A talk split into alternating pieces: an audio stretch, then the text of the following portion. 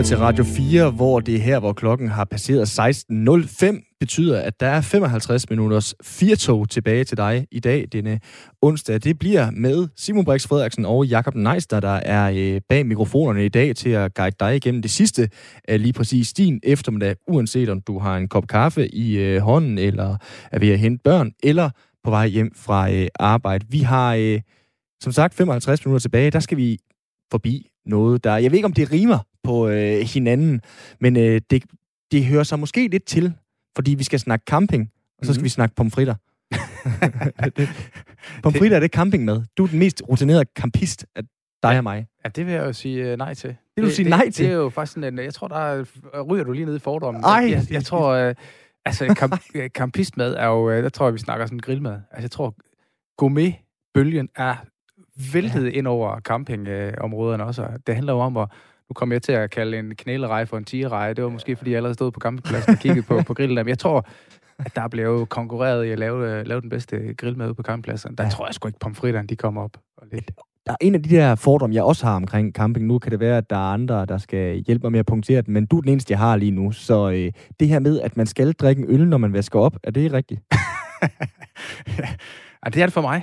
Men ja. jeg ved ikke, hvad det er for her. Det, og det har jeg aldrig hørt. Det, det kan da godt være. Det, jeg har ikke sådan set det, de steder, jeg har campet, at, camperet, at, at folk decideret havde en øl med sammen med sulfon. Og ja, siden, ja, fordi man, det er jo sådan noget med, så går man jo op der til øh, de forskellige sinkvaske, og så står man side om side, og så er det typisk, øh, hvis det virkelig sådan er fordomsfuldt og øh, kønsstruktur og alt sådan nogle ting der, så er det mænd, der står deroppe med en øh, halvlunken slotsklassiker, så øh, vasker de... Øh, de gule plastiktallerkener op og så videre. Det er, det, det, det, det er ikke, altså, nu lyder det som om, at jeg kamperer på ugenlig basis. Det gør jeg så ikke, men ud fra den kampist-erfaring, jeg har, så, så har jeg ikke oplevet det der. Nej, det, det okay. vil jeg sige. Fodtøj. Skal vi tage den også? Ja, fodtøj. Jamen, det er jo uh, træsko. Det er træsko? Eller, eller sandaler, Med eller uden helkap?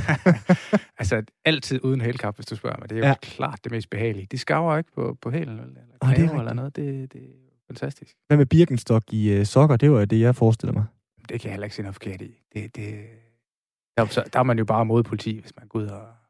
Jeg var på camping, eller telt var det jo faktisk, men på en campingplads øh, i sommer, det var en fantastisk oplevelse. Bortset fra, at det høvlede ned med vand, og selvfølgelig var koldt, og alle andre i Danmark, de også var på campingferie. Men vi fik slået teltet op, og det gik sådan set nogenlunde.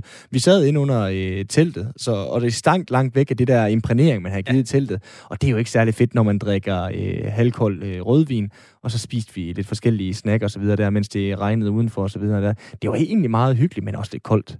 Ja. Men meget, meget smukt. Det var nede ved øh, Nørre Åby, Oh, øh, Fyn? Ja, Fyn. Ja. Med udsigt ud over, øh, det, det må være Lillebælt, ja. som vi k- kunne kigge over på den jyske side. Det var rigtig, rigtig fint. Det, jeg er spændt på, om jeg får mere lyst til at tage afsted, når vi skal snakke camping i den her uh, time af firetoget. Til sidst, til sidst så skal vi selvfølgelig ud over en runde satire også snakke om noget, der hedder greenwashing. Og så kunne jeg godt gå i gang med at tale lidt om, hmm, det er jo sådan noget med, og sådan og sådan der. Men jeg tænker, den lader vi bare svæve. Skal vi ikke det, Jacob? Det tror jeg er langt bedre, for der kommer nemlig en, der ved rigtig meget om det. Det er Simon Brix Frederiksen og Jakob Neister, der bestyrer Firtoget i dag, som sagt. Og øh, hvis du har lyst til at byde ind, det har øh, I blandt andet gjort ved at fortælle om øh, de fedeste dyr i dyreverdenen undervejs, både i dag og i går, så er sms'en vanen tro åben på 1424 1424. Du skriver R4 i sms'en. Du kan også ringe ind. Der sidder vores kære producer Lasse igen klar. Hvis du har noget at sige, så er det 72 30 44 44. Og med det kan vi ikke gøre andet at byde rigtig hjertelig velkommen indenfor til anden time af Firtoget. Og nu snakkede du om din øh, campingerfaring øh, før her, Simon. Øh, har du nogensinde tænkt på at eje en campingplads i stedet for at sætte telt op på den? Det vil være løgn, hvis jeg sagde ja. Nå, men uanset om du har leg, så, så er der simpelthen muligheden lige nu for lige, at øh, hvis man kigger ud på Æbelsoft og nærmere Elsegård Camping, så er det, kan man erhverve den for den nette sum af 2.495.000 kroner. Ja, så kan man så blive, blive ejer af sin egen campingplads. 2,5 millioner? Ja, det er ikke dårligt. Og i den her pris, der, der får du altså en, et pladsareal på 107 hektar, hvor du har 92 pladser, som man kan campere på. Så har du 16 øh, hytter eller lejligheder. Og udover det, så får du også en villa på øh, 122 kvadratmeter. Hold da kæft. Det er da alligevel en chat. Ja. Det, øh, altså, det er bare tænk huset, ikke? Altså, det, det her, det kan jo ikke være andet end en, en god handel. Ja, det tænker jeg da også. Ja. Vi havde en ejendomsmælder i går, der havde solgt uh, Camilla Plums sommerhus, uh, som så en anelse faldefærdig ud, til 25 millioner, og så kan du få det her for uh, 2,5. det, det er jo et scoop, og man kan sige, at hvis man kigger på, på det, man så skal erhverve, som er en campingplads, og, og i øjeblikket, der vælter vi ud, og hvad alt det ting, der bare ligner en, en natursti, den, den traver vi jo ned af. Ja. Alt, hvad der bare minder om og dufter om natur. Så må ikke også camping har, har det rimelig godt. Og det, det er jo det, vi skal finde ud af nu. Fordi hvor godt går det egentlig øh, med campingbranchen her i Danmark? Og det skal vi snakke med Dansk Campingunions landsformand øh, Anne, Anne, Anne Vibeke Isaksen om. Velkommen til Firtoget, Anne Vibeke. Tak for det. Nu uh, snakker vi om det her indledende, at, og vi ser jo ud på branchen, en masse brancher her i coronakrisen, at der er jo mange, der knokler med at få det til at løbe rundt og nærmest uh, vender hver en mønt. Hvordan går det uh, ude i campingindustrien i Danmark? Jamen altså, øh, nu er jeg jo fra Vestjylland, så jeg vil bare sige, at det går rimeligt. Ej, det går, det går fantastisk. Altså, jeg har arbejdet i den her branche i over 25 år, øh, og vi har aldrig set noget lignende. Nogle af de tal, vi får ind på vores bord, øh, de er så vilde, at vi bliver nødt til at ringe til vores øh, IT-firma og lige høre, om, øh, om der er sket en fejl. Øh, det bonger simpelthen sådan ud på radaren, at vi aldrig har set noget lignende, så det er meget, meget glædeligt, når man, som jeg, har et øh, stort campinghjerte. Kan du ikke lige komme på, øh, med et eksempel på et tal, hvor det, hvor det netop bonger ud, hvor det næsten er så godt, at I ikke øh, er I simpelthen nødt til at kontakte IT-medarbejderen for, for at tro på det?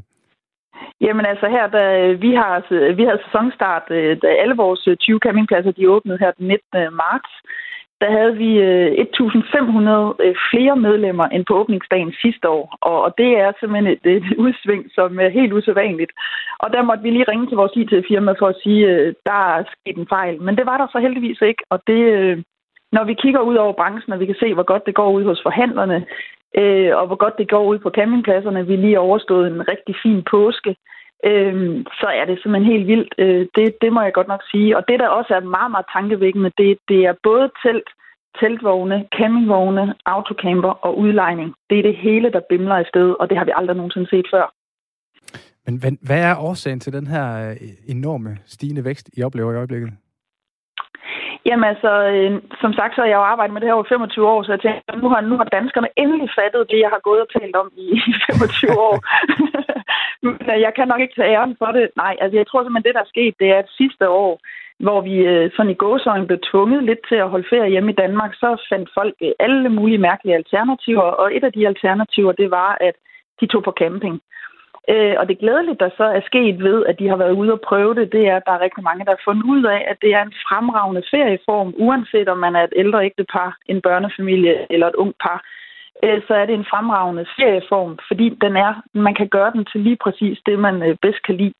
Og det gør jo så, at i løbet af vinteren, her i løbet af foråret, jamen, så har folk simpelthen tænkt, okay, vi, øh, vi skal holde ferie i Danmark, øh, i hvert fald med meget stor sandsynlighed igen i år lad os købe en campingvogn eller et telt, altså lad os anskaffe vores eget, så vi ikke længere er afhængige af andre og skal låne og lege, som selvfølgelig er fint nok til at starte med, men senere er det jo bare rigtig fedt at have sit eget. Og det er det, vi ser nu, at folk simpelthen er sprunget helt over hækken og blevet campister, og det er meget, meget glædeligt for branchen, fordi vi vil have glæde af de mennesker i, øh, i en del år ude i fremtiden. Det er slet ikke et øjeblik i tvivl om. Jamen nu skal vi lige høre, om det er alle, der er kommet med over den hæk her, fordi at nu, øh, og vi indledte også med at snakke om fordomme, men man kunne godt have en fordom om, at, at uh, direktøren, der sidder oppe og, og har en rigtig god hyre, han, han ikke har en lige så stor uh, tendens til at kigge campingvejen, som, som andre har. Uh, er det alle slags mennesker, der, der, der ligesom er hoppet med på den her campingbølge? Ja, altså det er det virkelig, og, og jeg vil simpelthen også tillade mig at kalde camping for en folkeferie. Fordi det er lige præcis øh, både de unge, og det er dem, der gerne vil være CO2-neutrale, men det er også direktørerne, som, som løber fra det ene konferencerum øh, til det andet og bor på de fedeste hoteller, når de er ude i verden. De vil bare gerne ud og mærke noget frisk luft og have noget øh, græs under fødderne og høre noget fuglekvider. Øhm, og de tager også på camping, der hvor man så kan se, at det er en direktør, det er så, at der måske holder en fed Audi, og, eller de kører rundt i en autocamper til 2-3 millioner, ikke også? Men, men det er jo også tilladt, og jeg ved godt, at der er nogen, der siger, at det ikke er camping, men det er det. Øhm, og, og meget ofte er det også folk, som har rejst med rygsæk, da de var unge, og finder ud af den her med sådan at, at bo, jeg kalder campingferie i mors mave, altså fordi man sådan kan mærke hinanden, når man er på camping. Øhm, og det tror jeg bare rigtig mange af de der direktører, som, spiser på de bedste restauranter og så videre, jamen de vil bare gerne ud og høre den her lyd af, en grillpølse på, på, på grillen. Det kan bare noget helt særligt, fordi det er det, der er ferie. Nu tænker jeg jo, Anne Vibeke, sådan årsag-virkningsforhold i forhold til det her, fordi at det camping, der har udviklet sig og er blevet mere hipt, eller er det simpelthen fordi, at de hippe også har fundet ud af, at det der med at rende rundt i øh, afslappet tøj og selv slå et øh, telt op eller have en øh, campingvogn, det, øh, det er bare rart, roligt og lige at komme øh, lidt ned i øh, gear og gå i klipklapper? Jamen, jeg tror i virkeligheden, det er begge dele, fordi dem, der måske har været på camping som børn, de kan huske nogle ting, og så er det de her fordomme kommer. De kommer jo heller ikke af ingenting. Men det, der bare er, det er de sidste 10-20 år, især i Danmark. Øh, vi har nogle af de fineste og mest prisbelønnede campingpladser i hele Europa. Øh, så får man altså virkelig en overraskelse, når man kommer derud, fordi der er badeværelser, man går ind og får sit eget badeværelse osv. Altså, så man bliver virkelig overrasket. Campingvognene er blevet super lækre, og sådan noget der. Teltene har rykket sig helt vildt med fast bund, så det ikke regner ind, eller man får insekter ind i teltet og sådan noget. Altså, der er sket sindssygt meget. Så det er den ene ting af det. Øh, men jeg tror helt sikkert også, der er i det her nærvær og ro og fred og gøre det simpelt, som passer utrolig godt ind i, øh, i den fortravlede hverdag, vi nu ellers øh, tit lever i med en kalender, der skal passe sammen og sådan noget der. Så finder vi bare ud af, når vi er på camping, at jeg plejer at sige, at den største beslutning, jeg tager, når jeg er på camping, det er, hvad for en bøf, der skal ligge på grillen om aftenen. Ikke også? Altså, så det, det, det tror jeg bare, når man først er derude, øh, det kan man jo også se med danskerne, der er kommet ud i naturen. Vi kan simpelthen mærke, at når vi træder ud i naturen, så gør den noget for os i samme øjeblik, som vi er der. Øh, og det er det samme på camping, når du tager din stol ud og sætter dig, uh, så sænker roen sig. Øh, så altså, og så kan man gøre det til lige præcis det, man vil. Måske vil man cykle med telt, fordi man gerne vil være CO2-neutral. Men det kan også være, at man vil så meget andet. Og, og der er camping virkelig mulighedernes øh, ferieform. Hvilken bøf griller du så som regel? Hvad for noget siger du? Hvilken bøf griller du så som, som, øh, som normal? altså, hvis jeg har råd, så spiste jeg sortfodsgris øh, hver eneste aften på, på, på grillen. Det var da Men, øh, noget af en altså, fordom, jeg også fik punkteret der. Det, jeg egentlig havde sådan ja, tænkt at, at spørge om i, i den her forbindelse, fordi nu nævner du jo, at, at der bliver lagt øh, nærmest, øh, jeg forestiller mig nærmest parketgulv, som man kan ligge på øh, oven på øh, teltet, men at de her forskellige optimeringer, man gør af campingpladserne og campingferie, øh, det kan lyde lidt højdragende, men er der noget af det, hvor man kan også ende med at gøre skade på campingånden, altså det, der egentlig også er det fede ved camping, at det er lidt håndholdt, det er naturen, det er mm-hmm. øh, ja, mhm. øh, CO2-neutral, for nu at bruge et moderne udtryk. Ja, altså det tror jeg simpelthen ikke kan lade sig gøre, fordi campingpladserne ligger ude øh, i ja, naturskønne områder. Øh, så er der selvfølgelig dem, der vil ja, have den, øh, altså ramme med den dyre autocamper eller den dyre campingvogn. Men du kan jo også, øh, jeg, jeg møder mange, der tager med telt på femstjernet campingplads, eller i luksus øh, autocamper ud på en etstjernet campingplads.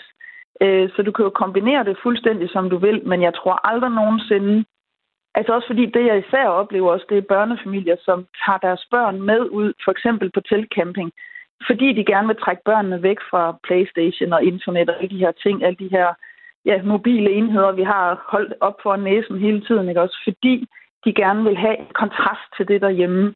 Og det tror jeg simpelthen øh, aldrig nogensinde forsvinder, og, og det er jo lige præcis det, som camping også kan. Altså, det husets slogan, det er naturligt nærvær. Og det er jo fordi nærvær, det er en kæmpe, kæmpe mangelvare i, i det danske samfund. Vi, jeg tror, vi alle sammen går i seng hver eneste aften og tænker, at vi kunne godt have været mere nærværende i, i dag. Øhm, så jeg tror, det simple og det primitive, shelterne har jo også ude i de danske skove, har jo kæmpe succes også lige nu. Øhm, så det tror jeg aldrig nogensinde forsvinder. Jeg tror simpelthen, det er noget, der ligger dybt i os. Øh, så glemmer vi det en gang imellem. Når Ryanairs billetter de bliver for billige, så, så skal vi ud i verden. Men, øh, men altså, øh, jeg, jeg tror det andet der, det tror jeg simpelthen aldrig nogensinde. Øh, spejderne har jo også kæmpe succes lige nu. Øhm, så, så nej, jeg tror simpelthen aldrig nogensinde, det der det går i mode. Det kan blive ved med at kunne noget, fordi det ligger i vores natur. Det er men, bare en gang, men vi glemmer det lidt. Men nu er det jo netop på mode i øjeblikket, I oplever den her vækst, og mange vil jo så sige, ja, men det er jo, som du også selv ind på, coronakrisen har presset folk ud i det. Men hvad så, når det her øh, corona-sjov, det ikke er til stede mere og presser folk ud i naturen, der netop kommer billige Ryan Airfly billetter til salg? Stopper jeres succeser?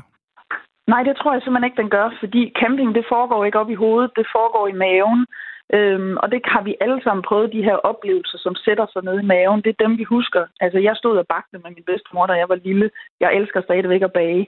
Altså, hvis du har stået fisket, eller et eller andet, det der, der foregår nede i maven, det er noget, vi husker og tager med os øh, gennem livet. Og det er også det, camping kan. Så hvis, hvis man ligesom har været ude og prøve det her, så tror jeg, at i, det ikke er sikkert, altså det er ikke sikkert, at man ikke kombinerer det med andre ting. Det vil jeg også til hver en tid selv gøre. Øh, et cruise eller det storbyferie øh, i New York kan bestemt også noget. Men jeg tror bare altid, man vil sige, at vi skal lige på den der campingtur, for det er simpelthen så hyggeligt. Så, øh, så jeg er meget fortrystningsfuld i forhold til fremtiden.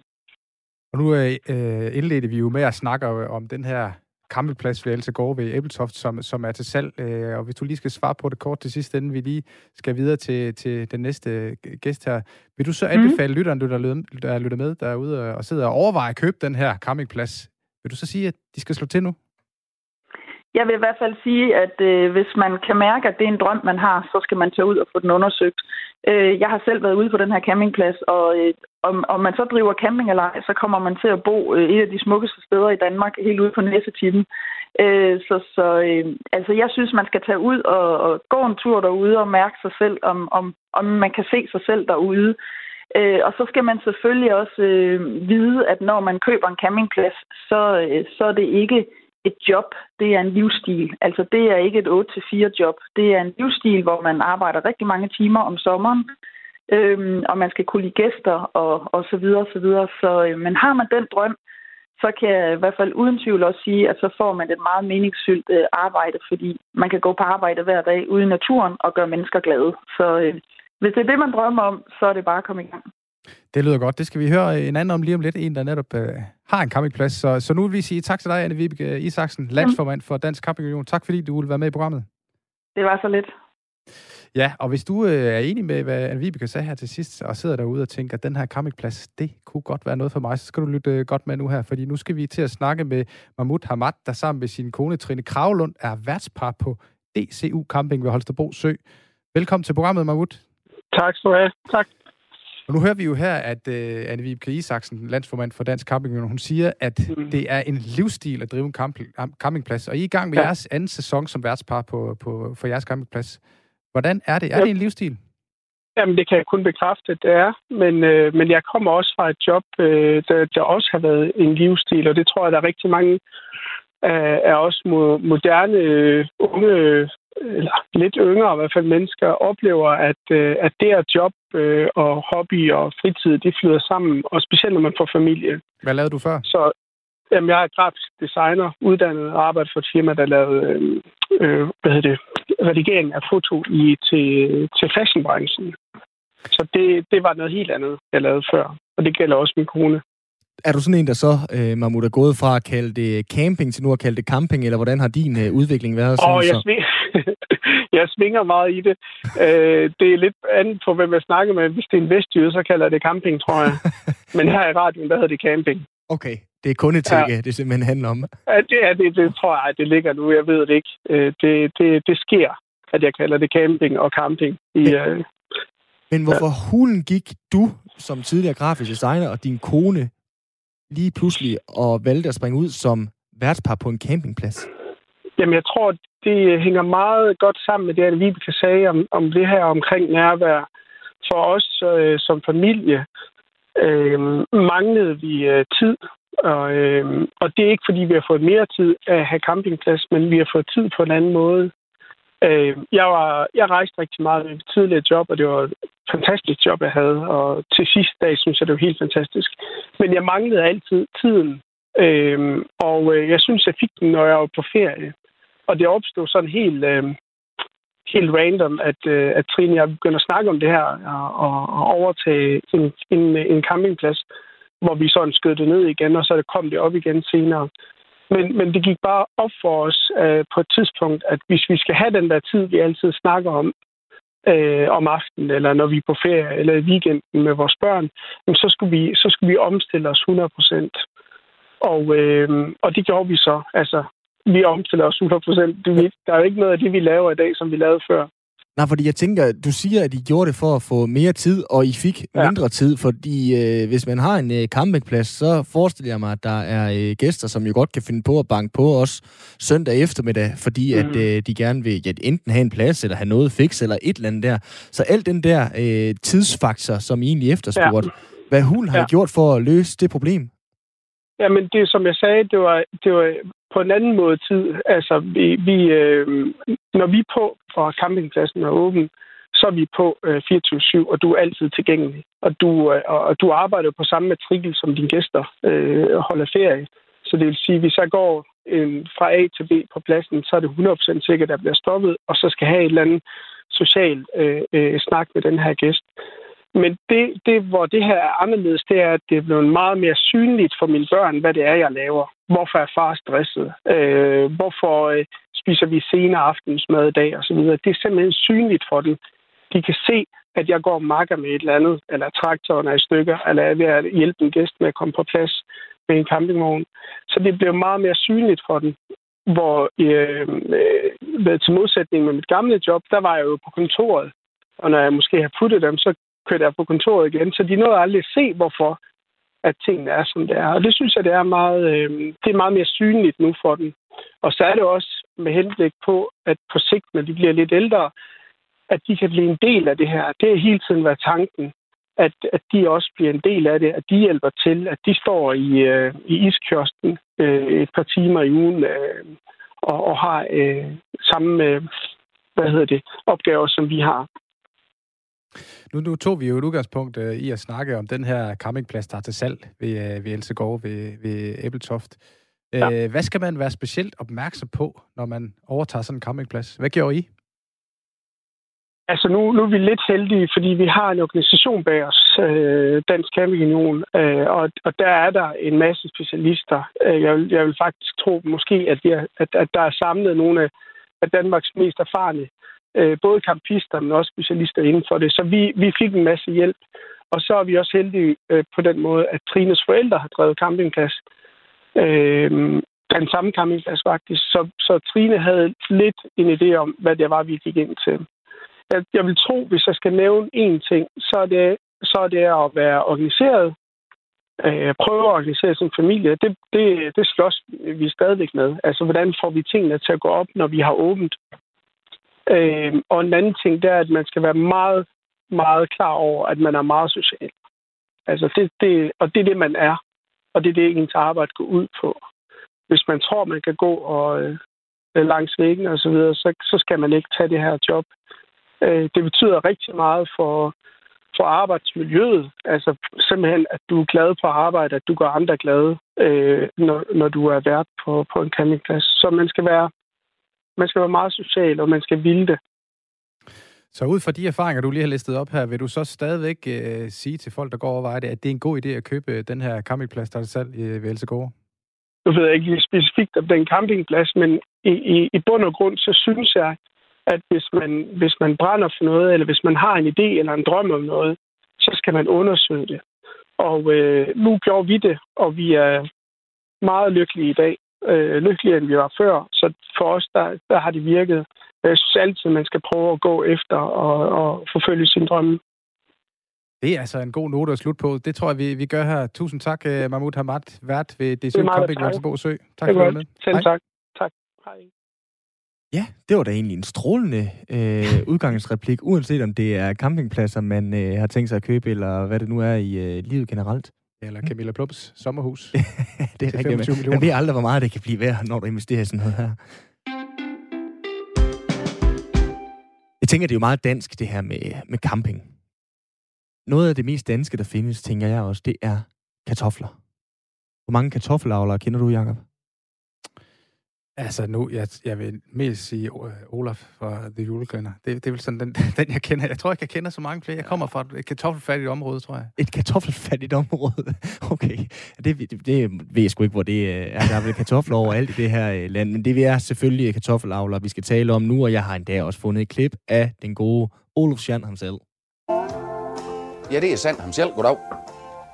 Ja, kartofler skal der jo til, som man siger. Uh, hvor mange skulle du have? Ja, men øh, det skal du få, det bliver lige, øh, det bliver lige 1000. Kvittering? Nej, jeg tror rigtigt, det kan svare sig, du. Nej, øh, det er simpelthen 1000 swat, du. 1000 swat. Jeg ved ikke, om det er øh, sådan, de kører mere. Det kan vi spørge vores næste øh, gæst om, fordi vi skal til at tale med en kartoffelavler, fordi vi spiser for få pomfritter. Eller jeg gør nok ikke, men sådan helt generelt, så spiser vi for få pomfritter. Det her, det er en af de lidt mere anderledes skæve afledte effekter af coronaen, fordi at øh, nedlukkede caféer, restauranter osv., det betyder også tomme frityrgryder.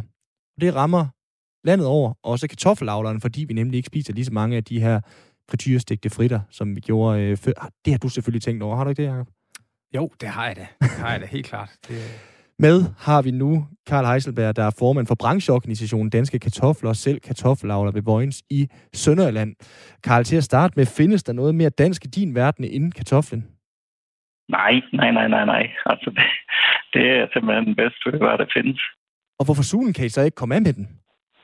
Om det er jo simpelthen fordi, at øh, nu spiser du, siger du, men, øh, men da coronaen trådte igennem igennem Europa, der var det jo en 40 procent nedgang. Og det er jo mega monster mange tons, de, de omsatte i hele Europa.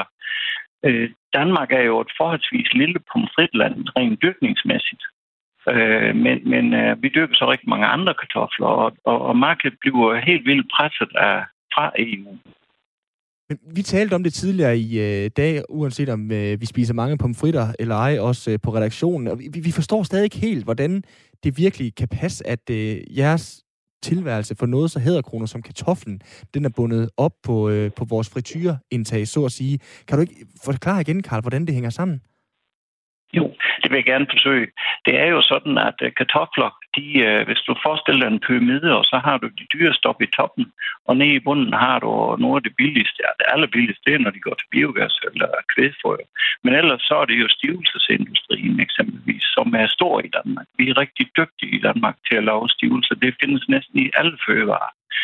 Og øh, når det blev presset, det marked, fordi man ned gennem hele Europa har lavet en masse pomfritkartofler, som man plejer at gøre. Marts sidste år, der, ned, der gik den ned med 40 procent afsætningen. Øh, bare i Danmark, hvis du forestiller dig at gå til fodbold hen i hallen, så tror jeg, at medmindre det er andre halv op, og ja, så, så får man jo pomfritter bagefter.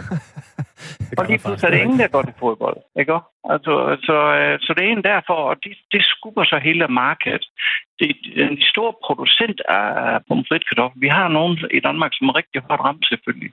Men det er bare det, det skubber hele markedet. Det er det, man skal forstå. Og det kan godt være lidt svært. Og det er også lidt forsinkelse i markedet. Derfor mærker vi det rigtig, rigtig slemt nu. Der er virkelig ikke solgt mange pølsemix over øh, i de danske kantiner og kafeterier til de sidste øh, mange, mange måneder, når nu de har været Det er selvfølgelig rigtigt. Det har jeg slet ikke øh, ja. tænkt på. Men et andet sted, nu nævner vi lige pølsemix og generelt frityrestegt fritter. Med al respekt, Karl, altså, burde I ikke have set lidt den her udvikling komme? Selvfølgelig ikke coronaen, men der er jo rigtig meget fokus på sund kost, bæredygtighed osv. Var det ikke kommet før end senere, at vi droppede frityren? Jamen, øh, det tror jeg så ikke på. Øh, folk kan rigtig godt lide det, og øh, hvis du tager sådan noget som kartoffelchips, under finanskrisen i 8, der steg det med 25 procent per år. Og det er simpelthen, fordi folk de tager en pose med ind til fjernsynet, i stedet for at gå ud og spise. I udlandet, der går man meget mere ud og spise og får chips til maden derude. Det er sådan lidt anderledes end ikke i Europa. Men, men øh, vi, vi, vi ved godt, at det sundhedsmæssige... Jeg har selv øh, lavet en lille slankekur af øh, vedmål her i, øh, i de to første øh, måneder i år her, og tabt mig 7,5 procent. Det gør jeg ved at spise to bagkartofler hver aften til aftensmaden. Jeg tog et glas rødvin eller en øl, som jeg plejer, og noget kød. Men jeg tabte mig 7,5 procent på to måneder ved at spise kartofler og guldrødder. Så, så øh, jeg ved godt, at det, at det, det allerbedste det er at spise en tør bagt kartoffel. Det kan ikke blive bedre. Det er det, man kalder kartoffelkuren, er det ikke? Eller, hvordan, eller jo, det er noget andet? det er præcis. Det, det er flere, der skulle prøve. Det virker. Men, øh, men, men nu, hvor I har mistet så mange øh, millioner kroner, som det lyder til, hvad har I selv gjort for at, at mindske det tab her? Er der ikke, kan man ikke forebygge det på en eller anden måde? Og nu er det sådan i Danmark, der øh, vi har ikke sådan den helt samme øh, hjælp fra, øh, fra regeringen nationalt som andre lande. Holland, som er en kæmpe stor kartoffelproducent, Belgien og Frankrig. De tre lande, de to simpelthen teten op, der EU, de tilbød landene nationalt og støtte kartoffelproduktionen. Holland støtte med 50 millioner euro, cirka 370 millioner danske kroner, til deres kartoffelavler. Frankrig 10 millioner euro, Belgien 10 millioner euro, for de kunne godt se, at det her det gik helt galt. Det var allerede i juli, øh, juni, juli sidste år. De fik så 45 kroner for en tynde kartoffel. En tynde det er 100 kilo kartoffel. Det fik de 45 kroner i kombination for at bortskaffe dem. Hvis man nu står med det alternativ, at man kunne få 55 kroner ved at putte dem ind i stivelseindustrien, så er det jo klart, at det er det, man gør, når man står med udgifterne. Uh, vi er ikke som Olof Sand, der sådan lige har dem fået, fordi uh, det har vi nok lidt store omkostninger til, så det går ikke. Men det er et godt klip. Men vil det så sige, at der er produceret mængder og mængder af stivelse, meget mere end der plejer, fordi at nu er alle de kartofler, vi plejer at bruge til pomfritter, de er lige pludselig blevet til stivelse?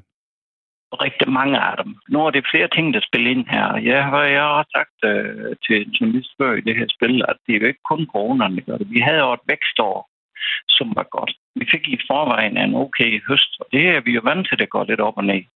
Men, men det var corona, der væltede hele læsset, fordi de kartofler, i stedet for at få dem bortskaffet til 45 kroner, som rigtig mange gjorde heldigvis, så var der også nogen, der sagde, at vi kan få 55 kroner for 100 kilo kartofler ved på dem over i stivelsessegmentet. Og derfor blev vi ramt også i Danmark, hvor stivelsen fylder jo øh, halvdelen af alt i Danmark i hvert fald. Nu, så, mm. Jeg er bare nødt til lige at vide, altså, du producerer selv kartofler til stivelse, Karl. Altså, hvad, hvad betyder det for, øh, for en byknejt fra Aalborg som mig? Altså, hvad, hvad, hvad, hvad, hvad bruger man øh, stivelse fra kartofler til? Ja, det burde du næsten lave en hel radioudsendelse om at kontakte RKV Lang Holdt eller KMC, som er vores øh, oh, ja. afsætningsselskaber. Det er helt vildt. Det er alt lige fra... De fleste tror jo, at rødvin, rødvin det som man op med klodstivt, det er nok det, det bliver brugt til. De små poser, du kender, det er under 1 procent til at komme i de små poser. Det er alt lige fra vingummi, hvor der ikke må bruges øh, pektin, altså fra, fra, øh, fra dyr og sådan nogle ting. Så vi, vi kan lave, jamen det er sindssygt, øh, øh pizzatopping. pizza-topping. Øh, en af de store kunder, det er et iransk mejeri. Øh, når man ikke kan få mælk nok, så laver man simpelthen ost Øh, du kan lave revne ost af kartoffelstivelsen med 35% indhold af kartoffelstivelsen. Og den smager og ser ud, som man vil have den. Og det blev brugt til pizzatopping. Det er bare sådan et par eksempler. Glazemaker, i stedet for at smøre æg på din øh, morgenbrød, når du bager, det skal se blank ud til, til, til, øh, med æg og sådan noget ovenpå, så, så bruger man glazemaker. Og det er simpelthen også et kartoffelstivelseprodukt. Jamen, der er, der er så sindssygt mange ting, kødvarer og vi er rigtig store på, øh, på fødevarer i Danmark, specielt på stivelsen, fordi vi har kørt en strategi for det. I gamle dage blev stivelse primært brugt til papir. Alt papir, du slår på, og så er det ligesom øh, skralder, det er kodet med et lag øh, stivelse. Det kan være kartoffelstivelse, det kan være noget vædestivelse, noget tabaukestivelse. Så blev jeg. Og det blev det, ja, og så det blev det rigtig brugt til meget før, sådan fint papir. Men vi i Danmark i mange, mange år gået over i at lave segmentet til fødevare, i og med, at kartofler er det allerbedste fødevare. Det er den, der mætter mest for færrest mulige kalorier. Det ved folk bare ikke endnu. Men Jamen, det gør de så nu. Ja, og i brancheorganisationen Dansk Kartoffel, der laver vi faktisk nu en klimakartoffel. Fordi folk ved slet ikke, at det er den mest klimarigtige øh, vare. Man kan, man kan spise 16 kilo kartofler for et kilo ris med den samme klimabelastning. Og prøv at forestille dig 16 kg kartofler. Det er altså noget af en stor pose. det, må, det må vi og sige. det er, sådan noget, det er sådan en ting, vi arbejder med nu i, i Danske Kartofler, og, og har fået samlet hele pakkeorganisationen i Danmark og sådan noget. Så det er sådan noget, vi vil, uh, vi vil rigtig gå ind i nu, fordi folk ved det ikke. Så hvis jeg... Kartofler, det er sådan, det er sådan en helt ting, ligesom, at det er ligesom mælk, det er bare noget, der skal være på hylden. Der er jo ingen, der spørger om, den kartoffelsort, hvad, hvad, hvad skal jeg spise for en? De har købt nogle kartofler med, og så spiser dem, så bliver de måske skuffet, fordi de enten er hvide i stedet for gule, koge i stedet for koge først. Der kan jeg bare sige, at der er noget af det her kartoffelguiden.dk, vi har lavet. Der kan man simpelthen gå ind og se lige præcis det, du vil bruge. Hvis du laver ovenkartoffel, så går du ind på kartoffelguiden. Og der er alle dem, der har sorterne, de lægger så op, hvad deres sorter er gode til. Det er jo også noget helt nyt noget. Vi skal simpelthen have jer også i Aarhus lært at spise kartofler. Hvor meget mister du rent kroner øremæssigt på, øh, på den her øh, periode, vi har haft øh, nu og fremad? Altså, det er jo først rigtigt nu, det går ondt ved mig, i og med, at vi sælger jo øh, forløs op. Det vil sige, at vi er jo leveret til kontrakter. De bliver jo lavet over i forvejen, faktisk. Det er jo noget, det, det er næsten den avlsæson, vi har i år, jeg kommer til at ramt. Og den coronamæssige del af det, jeg får et større tab, men det har noget med mængder og sådan noget. Og det er selvfølgelig en lidt sjus. Men Men øh, cirka 400.000 øh, årligt øh, i år og næste år er jeg sikker på, at jeg kommer til at miste på corona. Nok godt 700.000 i alt, men det er sådan nogle andre faktorer også. Kan du leve med det? Øh, og det, jamen, det bliver jeg nødt til. Øh, Kan du overleve med det? det? Ja, men det kan jeg, fordi så spænder vi livremmen ind og sparer nogle investeringer og sparer noget mandskab. Vi, vi, er, vi er vant til, at, at uh, selvom vi har en mega stor omsætning, så er det begrænset, hvad det er over til os til sidst. Vi har blandt andet i Danmark en pesticidafgift, og det lyder egentlig godt nok for forbrugerne, at vi skulle have en pesticidafgift. Men det er ingen andre af vores konkurrerende lande i Europa, der har det. Den pesticidafgift koster også hjemme med mig på min år 400.000 om året. Og dem betaler jeg op front, før jeg går på arbejde. Du betaler jo trods alt ikke 400.000 i skat, før du går på arbejde. Trods Og alt. det, så det er, nej, så, så vi, vi er vant til nogle udsvinger. Vi skal nok klare det her. Vi, øh, vi, vi, øh, vi skal nok klare os igennem det, men der er, der er nogle øh, lægkartoffelavlere til eksportkartofler, som er rigtig, rigtig hårdt ramt her. Vi har blandt andet nogen på, på Lolland, som, øh, hvor det er op i nær her 10 millioners klasse- øh, klassen, at det ligger på hylden, der skal smides væk. Jeg hæfter mig ved, at du siger, Karl, at øh, I nok skal klare det. Og jeg lover dig, jeg gør dig en tjeneste. Jeg har allerede besluttet mig, at jeg skal Ja. have både en pizza og en bakke øh, pommes i aften. Tusind tak, fordi du var med her, Karl Heiselberg. Ja, det er okay, og god dag til. Ja, i lige måde. Altså øh, formand i brancheorganisationen Danske Kartofler og selv kartoffelavler i Vojens. Og så nævnte vi slet ikke noget med sort arbejde.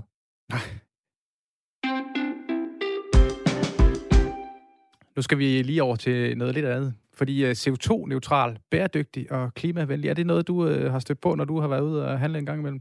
Ja, det kan man vel nærmest ikke undgå andet. Udover de gule skilte, så er det næsten det, der springer allermest i øjnene, når man er nede og handle i den lokale brus. Det er jo det. Og det, er- de her betegnelser, de skal jo gerne øh, give øh, de her pågældende produkter øh, en indikation om, at de, de produkter er gode for klimaet. Men kan vi egentlig stole på det? Det er spørgsmålet, for i 2020 fik forbrugerombudsmanden rekordmange klager over det, det, man kalder greenwashing. Og i 2021 vil Fødevarestyrelsen, de vil sådan fremlægge en ny vejledning om, øh, om markering af fødevarer, hvor man sådan har fokus på anprisninger ved miljømæssige og etiske forhold, og det kan man læse i en artikel på videnskab.dk. Samtidig så viser en rapport fra det, der hedder KOR, Klima- og Omstillingsrådet, at op mod 80 procent af verdens forsøg på at klimakompensere, at de øh, højst sandsynligt ikke er med til øh, at reducere noget som helst CO2 alligevel. Altså det var 80 procent af, det, af de, de tiltag der. Men hvornår øh, ved man, at der er tale om greenwashing, og hvordan får vi styr på klimaet, hvis den nuværende klimakompensation ikke virker? Det øh, skal vi snakke lidt om nu. Og velkommen til programmet, Brian Vad Mathiasen. Du er professor ved Institut for Planlægning ved Aalborg Universitet. Det kan du hjælpe med at svare på. Ja, jeg kan prøve, kan man sige. Jamen, så Så, lad os, øh, lad os starte med det, det, det, det helt lette spørgsmål, er det vil være let for dig i hvert fald, måske at forklare. Kan du ikke starte med at, og sådan lidt fortælle om, hvad, hvad er det her greenwashing helt præcist? Ja, altså i bund og grund så handler det jo om, at man øh, bryster sig med, med lånte fjer, kan man sige. Altså at man, man, man praler med, at man er, er grøn, øh, men i virkeligheden ikke er det. Og, øh, og det, det jo øh, er, øh, at det, det har betydning for os som borgere, det er jo, at når vi så står nede i en butik, så køber vi en vare, som har en eller anden bestemt anprisning, en eller anden bestemt øh, hvad skal man sige, beskrivelse af, hvad, hvordan øh, produktet er lavet. Og, øh, og det øh, kalder man så grønt fra det, det, det firmas side. Og, øh, og så tror man så som forbruger, at nu, nu har man så gjort en, en god gerning ved at vælge det produkt i stedet for et andet produkt. Og, øh, og der øh, handler det jo så om, når det er greenwashing, øh, er det så faktisk tilfældet, at det er grønt, eller er det ikke tilfældet? Og hvis det er greenwashing, så er det jo så ikke tilfældet, at det er et fornuftigt valg eller grønt valg. Men det lyder jo også sådan lidt sjovt, at det er så nemt, at man bare lige kan klaske et eller andet grønt markat på et produkt, og så, øh, altså uden at have nogle fakta, der støtter op omkring det. Hvorfor er det egentlig så nemt? Ja, altså, øh, nemt og nemt, det ved jeg simpelthen ikke, om det er, men altså, i hvert fald så er der ikke nogen sådan regler øh, for helt præcist, hvad, øh, hvad du må og hvad du ikke må. Øh, Øh, I hvert fald ikke nogen regler, som er præcise nok til, at man undgår nogle af de misforståelser, der er. Og, øh, og jeg synes, det der, det der sådan er risikoen her, det er jo, at, øh, at folk de jo begynder så at købe øh, nogle varer, som de så tror er øh, en, en, en rigtig god gerning, og så bagefter så viser det sig, at mm, det der, det var faktisk værre, end hvis du fortsatte med at gøre det, du gjorde øh, førhen. Og, øh, og det har jo den betydning, at, at folk bliver sådan en lille smule apatiske, eller hvad skal man sige, sådan mere opgivende i forhold til hele den grønne omstilling, og nytter sig sådan noget, og nu troede jeg lige, at jeg havde fået den rigtige, fundet den rigtige vej til at hjælpe verden, og, og så er der nogen, der kommer og siger til mig, det gør jeg så ikke alligevel. Og det er jo sådan set det, der er risikoen, hvis ikke man får, får stoppet det her og får, får gjort noget ved øh, det problem, at der er øh, sådan anprisninger af produkter, som, som man må sige er, er tvivlsomme. Men hvad, hvad bliver konsekvensen så, hvis man ikke stopper det? Jamen, konsekvensen er jo sådan set, at, at, øh, at, at vi ikke kommer i mål med vores øh, grønne omstilling. Det er simpelthen sådan, det er. Altså i yderste konsekvens. Hvis man bare øh, må, må anprise sine produkter, øh, uden at der er nogen, nogen regler for det, og, og uden at der ligesom er, er kontrol med, at det så også sker, uh, det som man lover. Og, øh, og det er så på, på det, der faktisk sker siden. Den, den anden risiko er jo også, at når man så fortæller folk, at de faktisk har gjort noget dumt, i stedet for, hvor de faktisk tror, at de har gjort noget rigtig godt, jamen så, øh, så mister man jo også opbakningen til hele omstillingen. Så jeg synes, det, det er ganske alvorligt. Det er det, øh, som folk de møder ude i hverdagen, øh, når vi snakker klimapolitik på sådan de, de høje navler i Danmark og i Europa og i verden. Så det, som øh, her for Jensen ser, det er jo sådan set øh, et, et eller andet et, nede i et supermarked, som, som gør, at, at, at, at jeg kan også træffe et valg, der hjælper i den her store dagsorden. Og så øh, bruger man så de mærker, der er, eller de anprisninger, der er, og det viser sig så, at det, det holder sig ikke stik lige pludselig. Og, og, og så kommer der jo sådan en, en modreaktion. Det er i hvert fald en risiko for, at der gør, ikke? Men jeg tænker også, øh, nu nævner du selv, Brian, her og fru Jensen, eller øh, det kunne også bare være mig, der tøffer ned i øh, den lokale netto, og så handler ind og kigger efter de her forskellige anprisninger.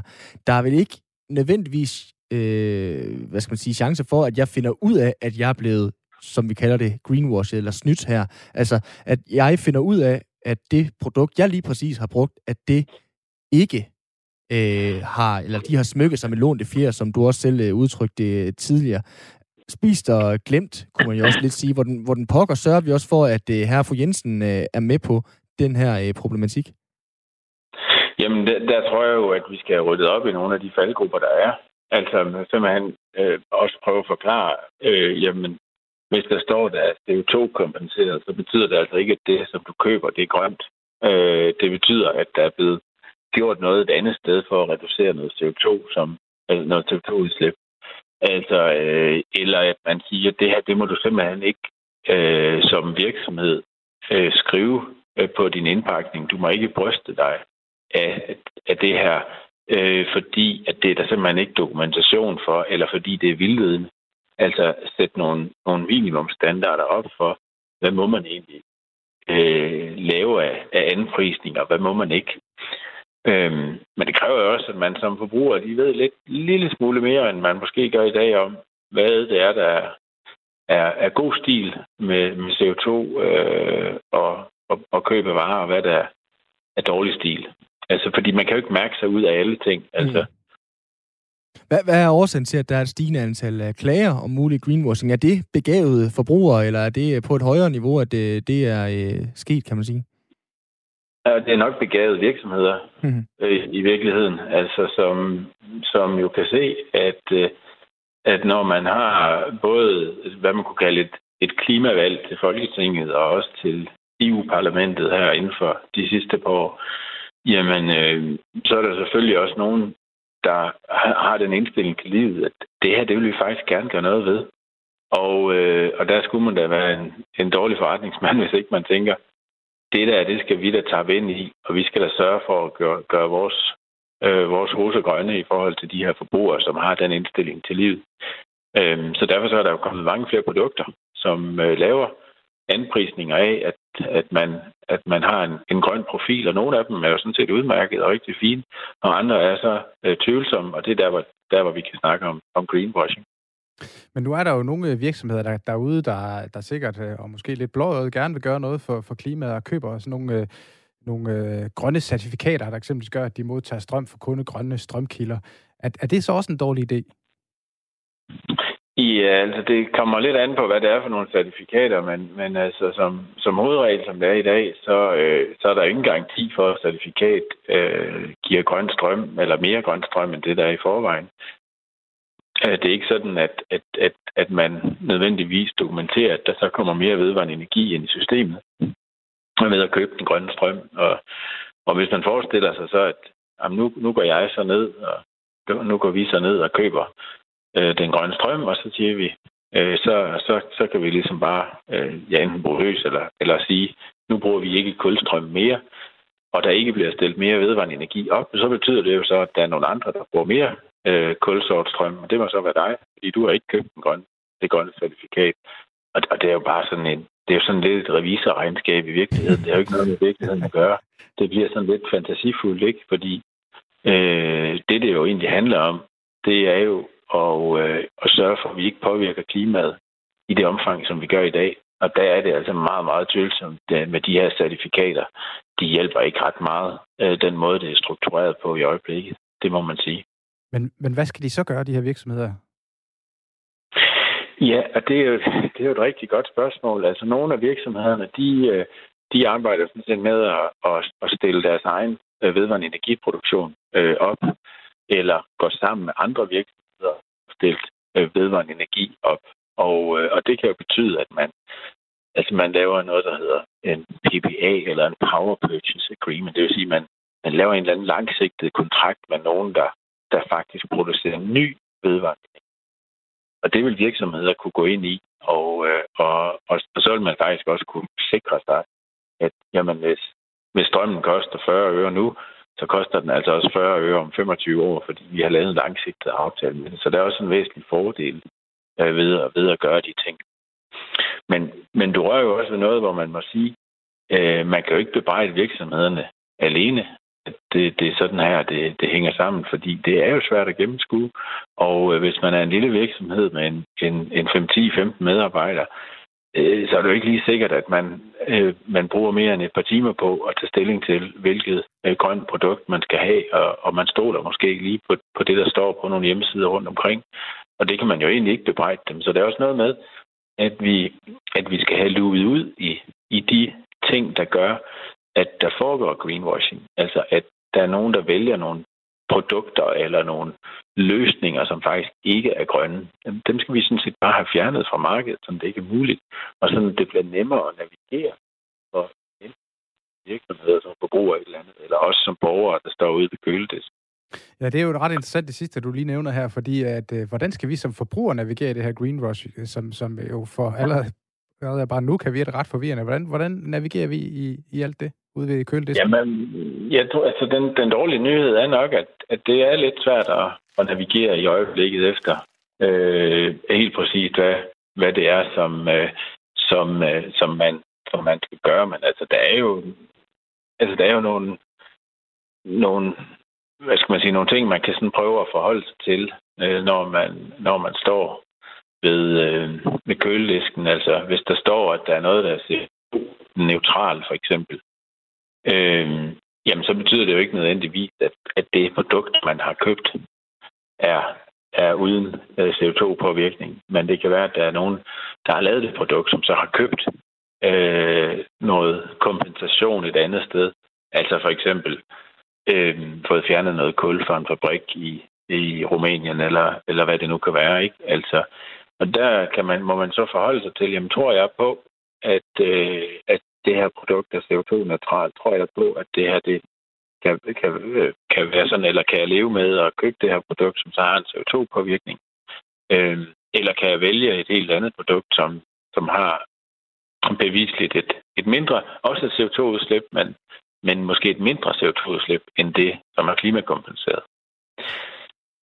Så lad os øh, sende den opfordring videre til forbrugerne derude, at det er det, vi skal holde øje med. Så bliver vi i hvert fald lidt klogere Brian Vad Mathiasen, professor ved Institut for Planning på Aalborg Universitet. Tak fordi du lige havde tid til at ja. forklare det for os. Ja, velkommen. Hej. Skal du handle i dag? Det skal jeg. Der kan du godt sætte lidt ekstra tid af. det, det, det, jeg håber, jeg glæder mig til, til der kommer nogle anmærkninger, man kan stole på i hvert fald. men det... jeg skal virkelig... Uh, huha. Det, er det ikke bare klassikeren i den sted, Jacob? Man skal læse det med småt, og nu skal vi så bare læse det endnu bedre, som det ser ud lige nu. Oh, vi har jo ikke brug for mere tid på, på mere tid på at handle. Det synes jeg allerede tager rigeligt. Åh, oh, jeg, har også, det, jeg har en indkøbsseddel, der ligger i baglommen også. Det kan godt være, det bliver problematisk, det her. Nå, vi nærmer os så småt de, de sidste par minutter her af dagens uh, udgave af 4 Vi har uh, været vidt omkring. Jeg kan se på TV2 i baggrunden TV2 News, der er de lige i øjeblikket også ved at tale med Trine Bramsen, forsvarsministeren, som uh, i dag er den lykkelige ejer på vegne af den danske stat, går nok, af et nyt F-35 kampfly, jagerfly. Det er jo vanvittigt. Ja. Den øh, bliver simpelthen præsenteret i Texas p- til øh, pomp og øh, pragt, og øh, så står øh, Trine Bramsen i Danmark og kan glæde sig over, at den på et eller andet tidspunkt kommer øh, forbi. Vi talte også spækhugger igen igen, fordi øh, det er jo bare et fantastisk dyr. Det har jeg sagt nogle gange, og jeg synes, vi næsten lige slutter med en sms, vi har fået fra Charlotte. Det er en lidt længere en af sagen, så øh, bear with me. Jeg har så stået og holdt hovedet med kinden mod vandet og modtaget et vådt kys af en spækhugger, da jeg fyldte 12 år og var på ferie i Canada. Canada. Det æder med mig også en ferie, jeg godt gad at være på. Efter mit kys, så kom der en delfin, som med sig havde et oppustet badedyr, der forestillede en delfin, som så var en gave til mig. Jeg skulle så klippe, eller klappe og øh, æge den delfin som tak, mens den slog løs med halefinden for at holde sig så højt i vandet til, at jeg kunne nå den. Lidt svært at kæle lidt med en delfin, der rykker sådan rundt, haha. Men fik den da mærket og Hold det op. Så glat og blød, men alligevel meget fast i det. Har jeg altid beskrevet det som, hvis du lader vand løbe ned ad et stykke flamingo på den glatte side, og så måske forestiller lige lidt mere glat og varmt, selvfølgelig. En oplevelse, som jeg aldrig glemmer. Og så nævner hun til sidst her, Charlotte, og som voksen, så vil jeg huske at sige, at de stakkels indespærrede dyr, godt det meget bekendt er blevet forbudt. Så øh, på den måde, så øh, rundede vi øh, dyreverden igen. Tak for øh, hjælpen i dag. Jakob. Ja, velbekomme. Skulle det være en anden gang, ja. Det er jeg næsten sikker på, at uh, der bliver anledning til. Så vil jeg igen gøre dig til Firtogs selvudnævnte campingekspert. Ja, men jeg, jeg kommer med nogle campingråd næste gang. Ja, men det bliver skidegodt. Der, hvad, skal du på campingferie i år? Altså ligesom alle andre faktisk, danskere. Skal, skal du det? Det skal på camping på Bornholm. Det er så godt nok i sådan nogle øh, hytter, som er på campingpladsen. Ja, der er kommet det der udtryk, der hedder glamping jo. Jamen, det har jeg også, at, det har jeg også prøvet. Ah, det har du også prøvet? Ja, ja. Det er lækkert nok. Altså, det er sådan lidt mere luksusudgave. Det står for glamour camping. Jeg skulle lige sige, det er ligesom med brunch, breakfast, lunch, der er klasket sammen, så har man gjort det samme med ja. glamping. Okay. Ja, det kan godt anbefales. Det er jo, hvor man sover på senge og har gulv inde i teltet. Og, ja, man føler sig lidt som sådan en, en eller anden, der er på tur ned i ørkenen. Sådan en, Men er det ikke snyd? Åh, ej, det ved jeg ikke. Er det ikke camping alligevel? Man står stadig og laver mad over bål. Og sådan. Okay, og får sig en øl op ved opvasken. Okay. Ja, så fik vi også uh, den med. Firtoget er slut for i dag. Det var Jakob Neister og Simon Brix Frederiksen, der var bag mikrofonerne. Her nu, der giver vi stafetten videre til specialklassen, og derefter så er der nyheder på Radio 4, blandt andet om nyt om AstraZeneca-vaccinen. Tak for i dag. Du lytter til Specialklassen.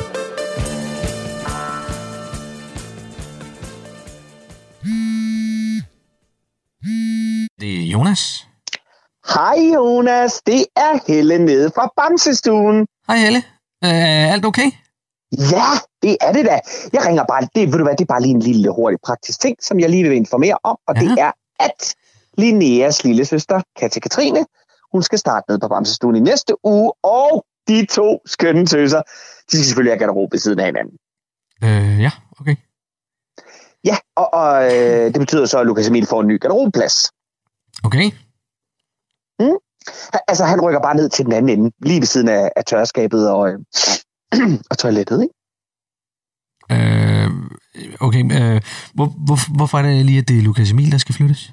Ja, yeah, altså, det, det er da også lidt dumt, men ved du hvad? Linnea, hun har haft den plads ved siden af hendes storsøster My, som også gik på bamsestuen. Og nu kommer hendes lille søster, og så synes vi simpelthen, det er at sende et godt signal, at søskende de har plads sammen. Ikke? Og så, så er det jo også noget, der gør det en smule nemt for forældrene. Ja, ja. Altså, det er meget fint, men det svarer jo ikke på, hvorfor det er Lukas Emil, der skal flyttes. Jamen, det er jo simpelthen fordi Tristan, øh, som har pladsen på den anden side af Linnea, øh, han ikke øh, takler nye ting så godt. Okay. Ja, og så beslutter vi bare, at det er Katja Katrine, som får Lukas Emils plads, og Lukas Emil, han får den seje plads nede ved tørreskabet. Ja, okay, og ved siden af toiletterne. Ja. Øh, hvad, hvad siger Lukas Emil til alt det her? Ja, altså, ved du hvad, for at sige det som er, så har han faktisk ikke taget det særlig pænt, og, øh, og det synes vi egentlig også kunne være dejligt, hvis du lige gad at tage en, øh, en snak med ham om. Mig? Ja, Hvad, hvad Snak lidt om, øh, jamen, snak lidt om, hvor sejt det er at skulle skifte plads, ikke? Uh, ja, øh, det ved Altså jeg prøv at høre, øh, Jonas, det er smartest at lykke mig, og Katrines garderobe ligger ved siden af hinanden. Og så er det en god lektie, at man ikke altid kan få de ting, som man vil. Ikke også? Jo. Ja, det er godt.